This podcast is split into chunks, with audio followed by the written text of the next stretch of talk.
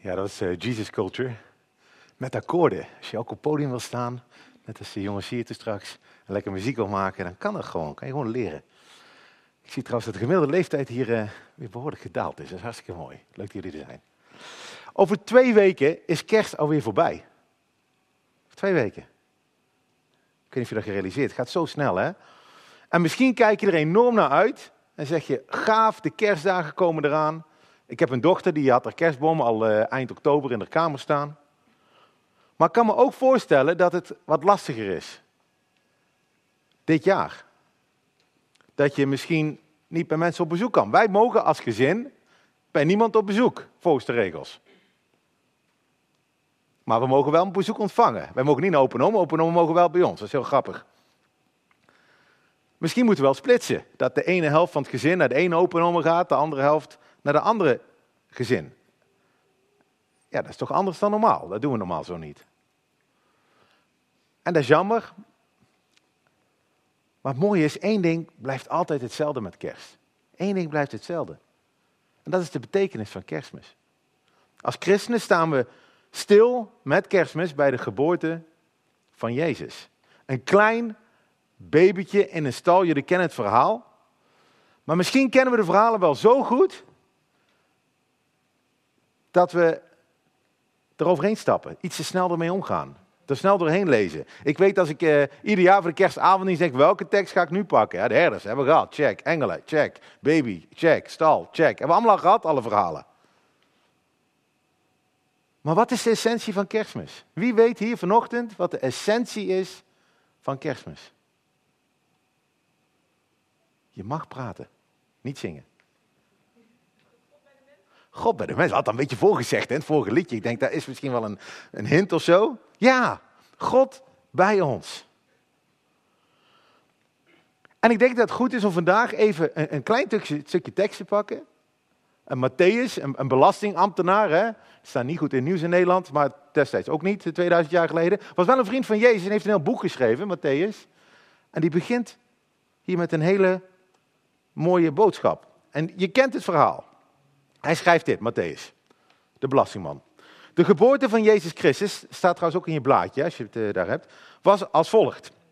Terwijl Maria, zijn moeder, met Jozef in ondertrouw was, ze waren verloofd, bleek zij, nog voordat ze samengekomen waren, ik denk dat jullie allemaal weten wat dat betekent, bleek ze toch zwanger te zijn uit de Heilige Geest. Yeah, right, denk je, als je Jozef bent. Dat zal wel. Dus Jozef zegt, haar man, wil haar onopgemerkt verlaten. Omdat hij rechtvaardig was en haar niet in het openbaar te schande wilde maken. Terwijl hij deze dingen overwoog, zie, een engel van de Heer verscheen hem in een droom. Dus Jozef krijgt een droom en zegt, Jozef, zoon van David, wees niet bevreesd. Maria, uw vrouw, om, bij, om Maria, uw vrouw bij u te nemen, want wat, daar is, wat in haar ontvangen is, is uit de Heilige Geest. En ze zal een zoon baren. En u zult hem de naam Jezus geven, want hij zal zijn volk zalig maken van hun zonde. Dit alles geschiet, opdat vervuld zal worden wat door de Heer gesproken is door de profeet, toen hij zei, zie, de maagd zal zwanger worden en een zoon baren. En u zult hem de naam Immanuel geven. En vertaald betekent dat God met ons. En toen Jozef uit de slaap ontwaakt was, deed hij zoals de engel van de Heer hem bevolen had. En hij nam zijn vrouw bij zich. En hij had geen gemeenschap met haar totdat ze haar eerstgeboren zoon gebaard had. En hij gaf hem de naam Jezus. Vandaag wil ik stilstaan bij één zinnetje. En soms denk ik dat zinnetje nog veel kleiner maken, naar drie woordjes. Ik weet niet of je ooit hebt verwonderd over deze tekst, dat die engel zegt, je moet hem Jezus heten, zodat hij Emmanuel heet. Dat is een beetje raar. Je geeft hem de naam Jezus, want dan komt, is er vervuld wat Jezaja honderden jaren daarvoor gezegd heeft, dat hij Immanuel heet. Denk, dat, dat is vreemd. Heet hij nou Jezus of heet hij nou Immanuel? Even kijken naar wat Jezaja schreef. Jezaja schreef dit. Daarom zal de Heer zelf u een teken geven. Zie, de maagd zal zwanger worden. Ze zal een zoon baren en hem de naam Immanuel geven. Nou, niet Jezus, maar Immanuel. Maar een paar hoofdstukken verder gaat diezelfde meneer Jezaja daar wat verder op in. En daar staat dit. Daar heb ik trouwens iets leuks van gemaakt. Maar Goed. Een kind is ons geboren, ook een bekende tekst. Hè? Een zoon is ons gegeven.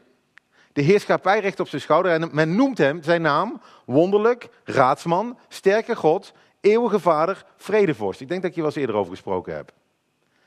En eigenlijk moet je Immanuel ook zo zien, net als die andere namen. Geen echte naam, maar een titel. Geen eigen naam, geen doopnaam. Jezus was nog niet gedoopt. Er is niemand die tegen Jezus gezegd heeft toen hij leefde, tenminste. Hé, hey, Emmanuel, hoe is het met u? Hé, hey, machtig God, hoe gaat het ermee? Dit zijn titels. En dit doen we wel vaker. Ik weet niet of jullie de krant een beetje bijhouden. Ik weet niet of jullie van voetbal houden. Maar wie weet wie Pluisje is? Pluisje is overleden, twee weken geleden. Maradona, klik. Hè? Maradona, geweldig. Dan ga ik moeilijker maken. De man van klas. Robbe, heel goed. En de lama, die vond ik zo grappig. En spugen, hè? Wie was dat? Frank Rijkaard, ja. Geweldig. Dus die mensen, die hebben titels die iets zeggen over die mensen.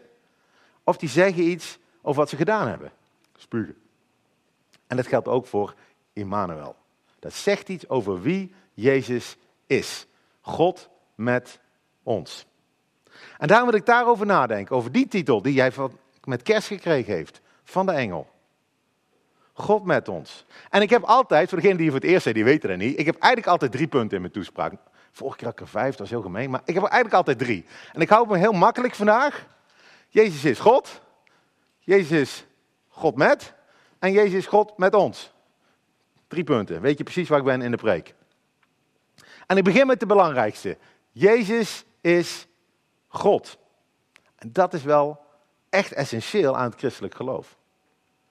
De essentie van kerst is dat de schepper van hemel en aarde, de almachtige God, de alwetende, oneindige God, in zijn schepping is gekomen en mens geworden is. Dat is kerst. Al het andere van kerst, het samen zijn, lichtjes buiten, kerstboompjes, vrede op aarde, dat is mooi, dat is belangrijk, maar het is niet de essentie. Het is een gevolg En hier in het, zien we dat al in het, in het eerste hoofdstuk van de, van de Bijbel, van het Nieuwe Testament, in Matthäus. Wordt al meteen gezegd, Jezus is God met ons. Jezus is God. En ik snap dat een aantal van jullie hier, en, en, en dat mag ook, en daarom zijn we ook de brug, daar heel veel moeite mee hebben. God is, is makkelijk, maar Jezus is God, dat wordt pijnlijker. Dat geldt ook voor een aantal collega's die ik heb op mijn werk. God, dat, dat, daar geloven ze wel in, maar Jezus God is veel moeilijker. En daarom vind ik het belangrijk om even hier echt bij stil te staan. En nog een paar teksten en nog wat dingen te, te laten zien dat Jezus echt God is. Niet alleen maar een mens. En er zijn een hoop plekken. Als je de Bijbel opent, vooral het Nieuwe Testament, en je leest er doorheen, kom je het keer op keer tegen dit thema. Johannes, een andere vriend van Jezus, die begint zijn boek ook. In het begin was het woord. Dan heeft hij het over Jezus. En het woord was bij God, Jezus was bij God, en het woord was God. Petrus, een andere vriend, een ADHD-vriend van Jezus, die gaat op een gegeven moment, reist hij mee met Paulus door, door Europa of, uh, en, en, en, en, Turkije. En op een gegeven moment is hij in Efeze en dan neemt ze afscheid van de gemeente daar. En dan zegt Petrus het volgende. Hij zegt, zie dan toe op uzelf en op heel de kudde, op de, op, op, op die, op de mensen daar. Hè, zorg voor de mensen. Zegt hij tegen de, de leiders daar. Te midden waarvan de Heilige Geest u tot opzieners heeft aangesteld om de gemeente van God te wijden. Dus leid deze gemeente goed, zegt hij tegen de mensen daar. En dan zegt hij dit over de kerk. De, de gemeente die hij verkregen heeft door zijn eigen bloed. God heeft de gemeente verkregen door zijn eigen bloed. Dat is grappig. God heeft de kerk gekocht door zijn eigen bloed, terwijl we weten dat Jezus gestorven is aan het kruis. Het bloed van Jezus hier het eigen bloed van God. Er zijn nog veel meer teksten, maar er zijn ook heel veel indirecte verwijzingen. Er wordt heel vaak gezegd dat Jezus vergeeft zonde. Ik weet niet of je er wel eens bij stilgestaan hebt. Dat dat eigenlijk heel raar is. Als, uh, als Paul Erwin een klap geeft. En ik loop naar Paul toen ik zeg, uh, ik vergeef je. Dat, zou raar zijn. Dat zou Erwin zeggen, hoezo uh, jij vergeeft hem. Ik kan of terugmappen of ik moet hem vergeven. Maar ik, ik heb er niks mee te maken. Er is een verhaal in de Bijbel over een overspelige vrouw. Stel dat mijn vrouw vreemd gaat. En Jezus zegt tegen haar, ik vergeef het je. Ja, makkelijk. Dat is heel raar. Hoe kan Jezus mensen vergeven als hem niks is aangedaan? En dat zeggen ze ook daar ter plekke meteen. Je kunt alleen vergeven als je God bent. Dit, gaat niet. Vergeven kan alleen het slachtoffer. Maar als je Jezus, God is, schepper van ons, dan is alles wat we tegen elkaar doen, doen we ook tegen God. En dan doen we God iets aan. Nog een voorbeeld. Is je wel eens opgevallen dat als een engel verschijnt in de Bijbel, dat mensen op de grond vallen? En mensen gaan aanbidden, ze knielen voor een engel neer. Hebben we ook in Daniel gezien trouwens. En het eerste wat die engel zegt is, sta op, ik ben God niet. Ik ben wel een stuk cooler dan jou, hè, met allemaal licht en weet ik wat. En misschien wel vleugel, ik weet het allemaal niet. Dat staat er allemaal neer natuurlijk. En een engel. Maar het eerste wat ze zeggen is, sta op. Dat lees je ook helemaal op het einde van de Bijbel. Johannes zag die dingen. En toen hij ze gehoord en gezien had, viel hij neer om te aanbidden voor de voeten van de engel die hem die dingen verteld had. En die engel zegt meteen, pas op dat u dit niet doet, want ik ben een mededienstknecht van u en van uw broeders, de profeten, en van hen die de woorden van dit boek in acht nemen. Maar aanbid God. Is heel duidelijk erover. Nergens in de Bijbel accepteert een engel aanbidding van een mens. Nergens. Maar Jezus wel.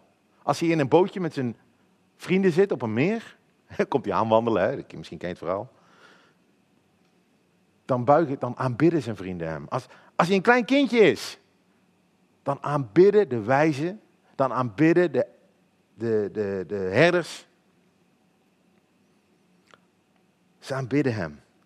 Zelfs Thomas, ongelovige Thomas, die zegt: Ik geloof er helemaal niks van dat Jezus is opgestaan, totdat ik mijn vinger in zijn zij heb gestopt en ik de gaten in zijn handen heb gezien. Die zegt op een gegeven moment: Mijn Heer en mijn God, zegt hij tegen Jezus. En hij corrigeert Jezus corrigeert Thomas niet. En dat is heel frappant, hè? Want dit zijn zijn vrienden. Dit is waar hij opgegroeid is. Snap je? Als ik ga beweren dat ik geweldig ben en dat ik God ben en dat ik uh, een perfect leven leid, dan moet ik daar niet een eind over doen. Daar kennen te veel mensen mij. Dan moet ik naar Lutjebroek gaan ergens, waar mensen me niet kennen, waar ze geen internet hebben, niet kunnen opzoeken ergens, wat voor rare dingen ik allemaal in mijn leven doe. Maar bij je eigen vrienden, bij je eigen familie kan je voorstellen dat je broer je grote broer zegt, ik ben God. Je broer waar je vroeger mee in bad zat, in de zandbak. Dat die in één keer zegt, jij, hè, en dat jij accepteert dat hij ook God is. Hè? Jacobus, de broertje van Jezus, die geloofde het niet terwijl Jezus leefde. Maar toen hij opgestaan was, was hij een van de grote leiders van de kerk in Jeruzalem. Hij geloofde dat Jezus God was.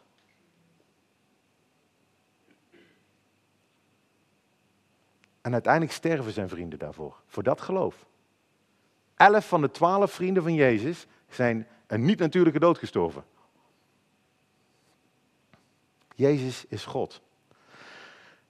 En misschien geloof je dat hier wel hè, vanochtend, of ben je er in ieder geval verstandelijk van overtuigd. Maar zou jij net als die vrienden van Jezus jouw leven daarvoor op het spel zetten? Voor die bewering? Als het erop aankomt, leef jij dan in de volle overtuiging dat Jezus Immanuel is? Jezus God is? En dus ook God met jou? Want dit is wel het grote verschil, jongens. Het grote verschil tussen wat wij geloven en alle andere religies en zelfs het atheïsme. Al het andere wat er in onze samenleving geloofd wordt. Iedere religie denkt, ik ga me goed gedragen en dan ben ik goed genoeg om bij God te komen. Ik reïncarneer totdat ik weet ik wat ben. Of ik, ik doe deze goede dingen, zodat God, ik acceptabel ben voor God. Zelf je weg naar God vinden. Maar de Bijbel zegt, en kerstmis zegt, jouw situatie is veel slechter dan je denkt, vriend. Jouw situatie is zo slecht dat je nooit door je goede gedrag de hemel in komt. Door je goede gedrag kom je nooit bij God. God komt naar jou toe.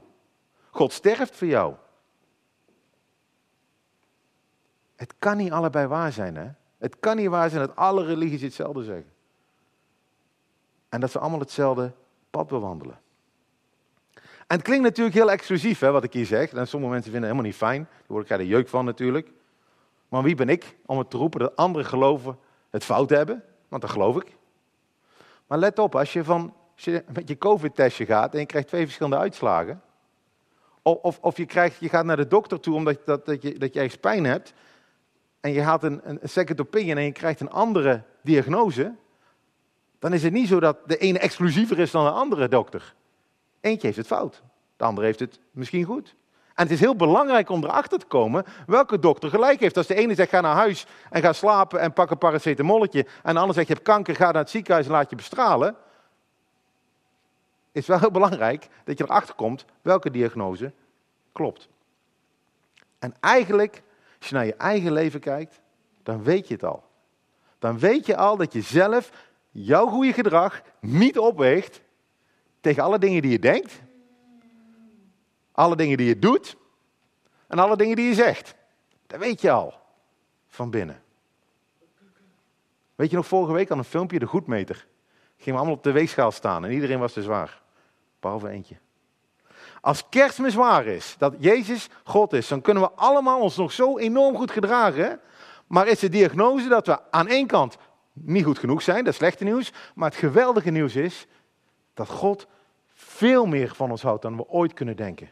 Dat we zo geliefd zijn door God dat hij zelfs zijn eigen zoon niet gespaard heeft om te sterven aan een kruis voor ons, om ons te redden. Jezus is God. Maar Jezus is ook God met. We hebben de afgelopen maanden heel veel tijd in het boek Daniel besteed. En ik hoop dat we het boek binnenkort kunnen afronden. Mijn vrouw is er helemaal klaar mee, zegt ze. Maar als er één ding duidelijk is uit Daniel, is het wel hoe God zich daar openbaart. Ik weet niet of je dat opgevallen is. Weet je nog? Er werden tronen geplaatst en de almacht, de oude vandaag, ging ze daar neerzetten. En zijn, zijn gelaat was wit als sneeuw. Het haar van zijn hoofd als zuivere wol stond er. Troon, vuur, vlammen. Hè? De, de, de, de Mockingjay, hè? wat was het? De, dat plaatje, hè? wielen van vuur. In het Oude Testament is God bijna altijd angstaanjagend en ontzagwekkend. Als Abraham God ontmoet, dan ziet hij een brandende fakkel en een rokende oven. Ik heb helemaal geen flauw idee wat dat betekent. Maar het was wel iets waar, waar hij bang voor was. Toen Mozes God wilde zien op de berg, toen zei God het volgende. U zou mijn aangezicht niet kunnen zien, want geen mens kan mij zien en in leven brengen, blijven. Dat zegt God tegen Mozes. En, en wat? Wat ziet hij dan? Uiteindelijk mag hij God van achteren zien. Een oneindig God mag hij van achteren zien. Ik heb geen flauw idee wat dat betekent. Maar hij gloeide zo lang na daarvan, zijn gezicht was helemaal gloeiend, dat toen hij beneden kwam aan die berg en, en, zijn, en zijn, het volk hem zag, moest hij, moest iets over zijn hoofd doen. Mondkapje voor, weet je wel, een beetje, beetje, omdat hij te veel gloeide. Omdat hij even de achterkant van God had gezien. Tot aan de komst van Jezus is God super heilig, super ver weg. Hij is fysiek wel bij het volk, hè? Als, een, als, een, als een vuurkolom, als een rookkolom, wolkenkolom, maar niet benaderbaar. Als je bij hem komt, val je neer. Boom. Zelfs de priester, die mocht één keer per jaar het heilige van de heilige van de tempel binnenkomen waar God was. En die kreeg een touw om zijn middel, omdat als hij om zou vallen, konden ze hem eruit trekken. Eén keer per jaar. God was onbenaderbaar. En nu is het kerst. En wat gebeurt er? Er komt een baby. Een baby. Ik weet niet wat jullie vinden van baby's, maar baby's zijn super benaderbaar. En lief en toegankelijk. En die kan je oppakken. Een paar jaar later doen ze dat niet meer. Maar als ze zo klein zijn, kan je ze ook oppakken en bij je houden. Van die grote ogen en een veel te groot hoofd in verhouding tot haar lichaam. En dat maakt ze eigenlijk wel heel lief. Wat zou Mozes zeggen? Wat zou Abraham zeggen? Wat zou Daniel zeggen? Als ze zouden weten dat God zo benaderbaar voor ons is als een baby. We kunnen op ieder moment van de dag bij God komen. We kunnen met hem praten, we kunnen hem leren kennen, we kunnen hem echt ontmoeten. En dat is echt iets anders dan dingen over hem te weten te komen. Misschien heb je een hoop over God gehoord. Hier bij de brug, of, of misschien op andere plekken. Maar ken je God? Kom je in zijn nabijheid? Praat je met hem? Leer hem echt kennen? Het is niet goed, of genoeg, het is niet genoeg om alleen te zeggen, Jezus is God. verstandelijk. Maar ook Jezus is God met. Jezus is God met mij. Hij houdt van mij. Hij is bij mij. Hij accepteert mij. Dus ik kan bidden hem. Met heel mijn hart, met heel mijn ziel, met heel mijn verstand. En waarom kunnen we tot God komen? Waarom is Jezus die kleine baby? Omdat Jezus onze schuld, onze angst, alles op zich neemt en wij zijn gerechtigheid krijgen. Zodat we voor God kunnen staan en niet bang hoeven te zijn. En zijn liefde konden ontvangen. Niks staat er tussen ons en God. Er staat dat Jezus tot zonde werd gemaakt, zodat wij vrij zijn van die zonde. Jezus werd verlaten door God, zodat wij bij God kunnen zijn. Jezus stierf, zodat wij kunnen leven, eeuwig kunnen leven met Hem. Jezus is Emmanuel, God met ons. En daarom komt hij als een kleine baby. En mijn derde punt. Jezus is niet alleen God. Hij is alleen, niet alleen met, God met. Maar Jezus is God met ons. En dat is meteen ook weer een lastig punt, hè? Want wat staat hier? Dit klinkt weer heel exclusief. Wie is ons? Je staat niet, Jezus is God met iedereen. Er staat, Jezus is God met ons. Wie is dan die ons? Zijn het die brave mensen die nu op zondagochtend, hè, zoals jullie, lekker in de kerk zitten? Die zich netjes aan de regels houden? Ik hoop dat ik al duidelijk heb gemaakt dat dat niet zo is. En dat blijf ik ook herhalen. Wie zijn de eerste mensen die naar die baby mogen kijken? Weten jullie het? Wie zijn de eerste mensen? De herders. Waren dat de brave mensen die op zondagochtend in de kerk zaten? Nee man, dat, de, was de Hells Angels motorgang was daar van die tijd. Dit waren de mensen die buiten de maatschappij zaten. Mensen aan de rand van de samenleving. Maar wel mensen die uitgenodigd waren. En op die uitnodiging in, aannamen. Mensen met lege handen, die niet met volle handen naar God komen. Wij komen soms zo, hé hey heer, ik heb dit voor u gedaan, ik heb dat voor u gedaan, dus nu, kom maar. God is op zoek naar mensen met lege handen. Mensen die zich niet beroepen op hoe geweldig ze zelf zijn, op hun eigen kwaliteiten, maar die gewoon met lege handen weten dat ze met lege handen voor God staan. En dit is zo lastig voor ons, zeker in het Westen, zeker in Nederland, zeker omdat we allemaal zo geweldig zijn. Om met lege handen voor God te staan, te geloven dat de enige reden is dat we bij Hem kunnen komen, Jezus is. Want we doen toch zulke mooie dingen? We zijn toch hard bezig voor God? Paulus, hè? Paulus heeft de meeste boeken geschreven van de hele Bijbel. Wat hij zegt is, al mijn werk is als vuile was, zegt hij. Als drek staat er in de overtaling, poep. Hij zegt, ik ben de grootste zondaar, want ik heb de gemeente van God vervolgd. Hij komt niet met open handen, hij komt niet met volle handen, hij komt met open, lege handen. En die nederigheid, die zie je hier ook in kerst. God Almachtig, die in de hemel woont, die schepper is van hemel en aarde, komt als een klein babytje, weerloos. Een babytje niet in een paleis, een babytje van twee tieners. Marie en Joost waren waarschijnlijk 15, zoiets, 14, 15. Geboren in een stal, we kennen het verhaal. Hij groeit op als een dakloze. Kan zijn belasting niet eens betalen, moet een vis vangen om daar een munt uit te pakken om de belasting te betalen. Heeft geen huis, heeft geen bed.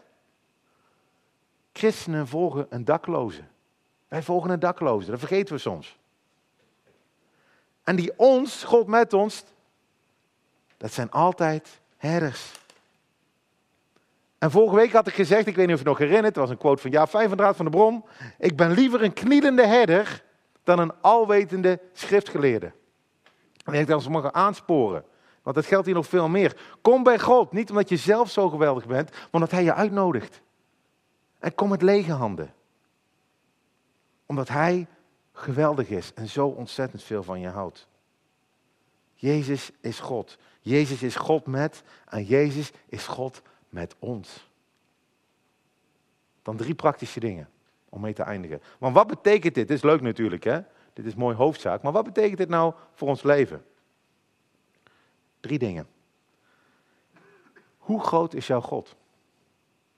Hoe groot is jouw God echt? Soms beperken we God. Denken we, dit kan die niet, dit is te groot voor hem. Of hij is niet zo betrokken in mijn leven. Maar als Jezus God is, dan is niets onmogelijk. Soms denken we dat onze problemen veel te groot zijn voor God. Vaak vragen we hem niet eens om hulp. Maar Jezus is almachtige God. Almachtig, hij kan alles. Weet je nog de zijkant van die 2 euromunt, waar we in de intro heel even bij stilstonden? Weet je wat daarop staat? Daar staat niet God met ons op. Daar staat nog een woordje tussen. Er staat God zij met ons. En we mogen weten dat dat zo is. Maar er was niet genoeg ruimte, ik heb het opgezocht, om de hele tekst erop te zetten. Want de hele tekst die erop had moeten staan is, als God voor ons is, wie zal dan tegen ons zijn? Dat is de tekst die er, waar, die, waar, die, waar die vier woorden naar verwijzen. Laat het tot je inzinken. Als God voor ons is, wie zal dan nog tegen ons zijn? God is met ons, zegt kerstmis. Dus leef daarvan uit. Ten tweede, als kerstmis gaat over God met ons, als hij dicht bij ons wil zijn, dicht bij jou wil zijn, en als we lezen hoeveel God heeft gedaan om dat voor elkaar te krijgen, wat ga jij dan doen deze kerst? Wat ga ik doen deze kerst? Om dichter bij Hem te komen. Hoeveel van wat ik vanochtend verteld heb is realiteit in je leven in plaats van kennis in je hoofd? En wat heb je ervoor over om dichter bij God te komen? En het is lastig hè, tien minuten eerder opstaan om een bijbeltje te lezen. Ik weet dat dat lastig is. Een avond per week naar een at-home. Samen met anderen de Bijbel openslaan of naar je lefclub. Samen met een vriend of vriendin tijd investeren. Om te ervaren hoe God werkt. In jouw leven, door jouw talenten, door wat je doet. En ja, dat kost wat. Dat kost tijd, dat kost energie. Maar wat het jou kost, het is niks vergeleken met wat God voor jou gedaan heeft. Laat dat even zinken in je hart. God is naar ons toegekomen. Wat doe jij om naar Hem toe te komen? En mijn laatste vraag voor de komende kerstdagen is: hoe hard brandt jouw hart voor God? Lauw zijn voor God is geen optie. Als mensen Jezus tegenkomen, willen ze drie dingen doen. Ze willen hem vermoorden, dat is één club. Ze rennen weg. Wegwezen Jezus, dit is veel te spannend voor ons. Of ze vallen op hun knieën neer en ze bidden hem als God. Er is niemand in de hele Bijbel die langs Jezus komt en zegt: Oh, dat is een leuke gast, dat is interessant. Houdoe. Niemand. Het doet wat met je. Hij is God. Van de week had ik een discussie met een van mijn kinderen. Voor school moesten ze nadenken over hoeveel geld en tijd en energie moet ik geven aan God. Het ging over, over geld, ging dit. Maar de vraag is natuurlijk precies andersom. Hoeveel mag je houden? Hoeveel van het leven dat jij van God gekregen hebt, mag jij houden voor jezelf? We denken altijd, oeh, ik geef al een avond in de week aan God. Of een, een zondagochtend in de twee weken bij de brug ben ik actief voor God. Oeh. Maar de vraag is andersom. Hoeveel van jouw geld, van je talent, van je tijd mag jij houden? God heeft alles over voor je. Hij heeft zijn zoon gestuurd om te sterven voor je. Dus je mag jezelf helemaal geven aan hem. Er is geen ruimte voor lauwheid. Nul. Want Jezus is God. God met ons. Ik wil bidden. Trouw God de Vader, dit zijn woorden die tot mij spreken. Vanochtend. Als we nadenken over de kerstdagen. Dat u met ons bent, Heer. Dat u God bent. Dat u almachtig bent. En het keer op keer, Heer, vergeet ik om u erbij te betrekken. Denk ik, ik los het zelf wel op. Heer, laat deze woorden dat u God bent, dat u met ons bent. En de uitnodiging om daarbij te horen, niet op basis van hoe geweldig we zijn, maar op basis van onze lege handen en uw liefde voor ons, Heer. Laat die zinken in ons hart vanochtend. Vader, vul ons met uw geest. Geef ons kracht. Maar laten we ook vooral de komende dagen, richting kerst, nadenken over hoe dit realiteit wordt in ons leven. En vader, help ons ook om keuzes te maken, om dichter bij u te komen, een stap richting u te nemen, om tijd te besteden met u in de drukte van ons leven. Dank u wel, Heer, dat u er vanochtend bij bent. Amen.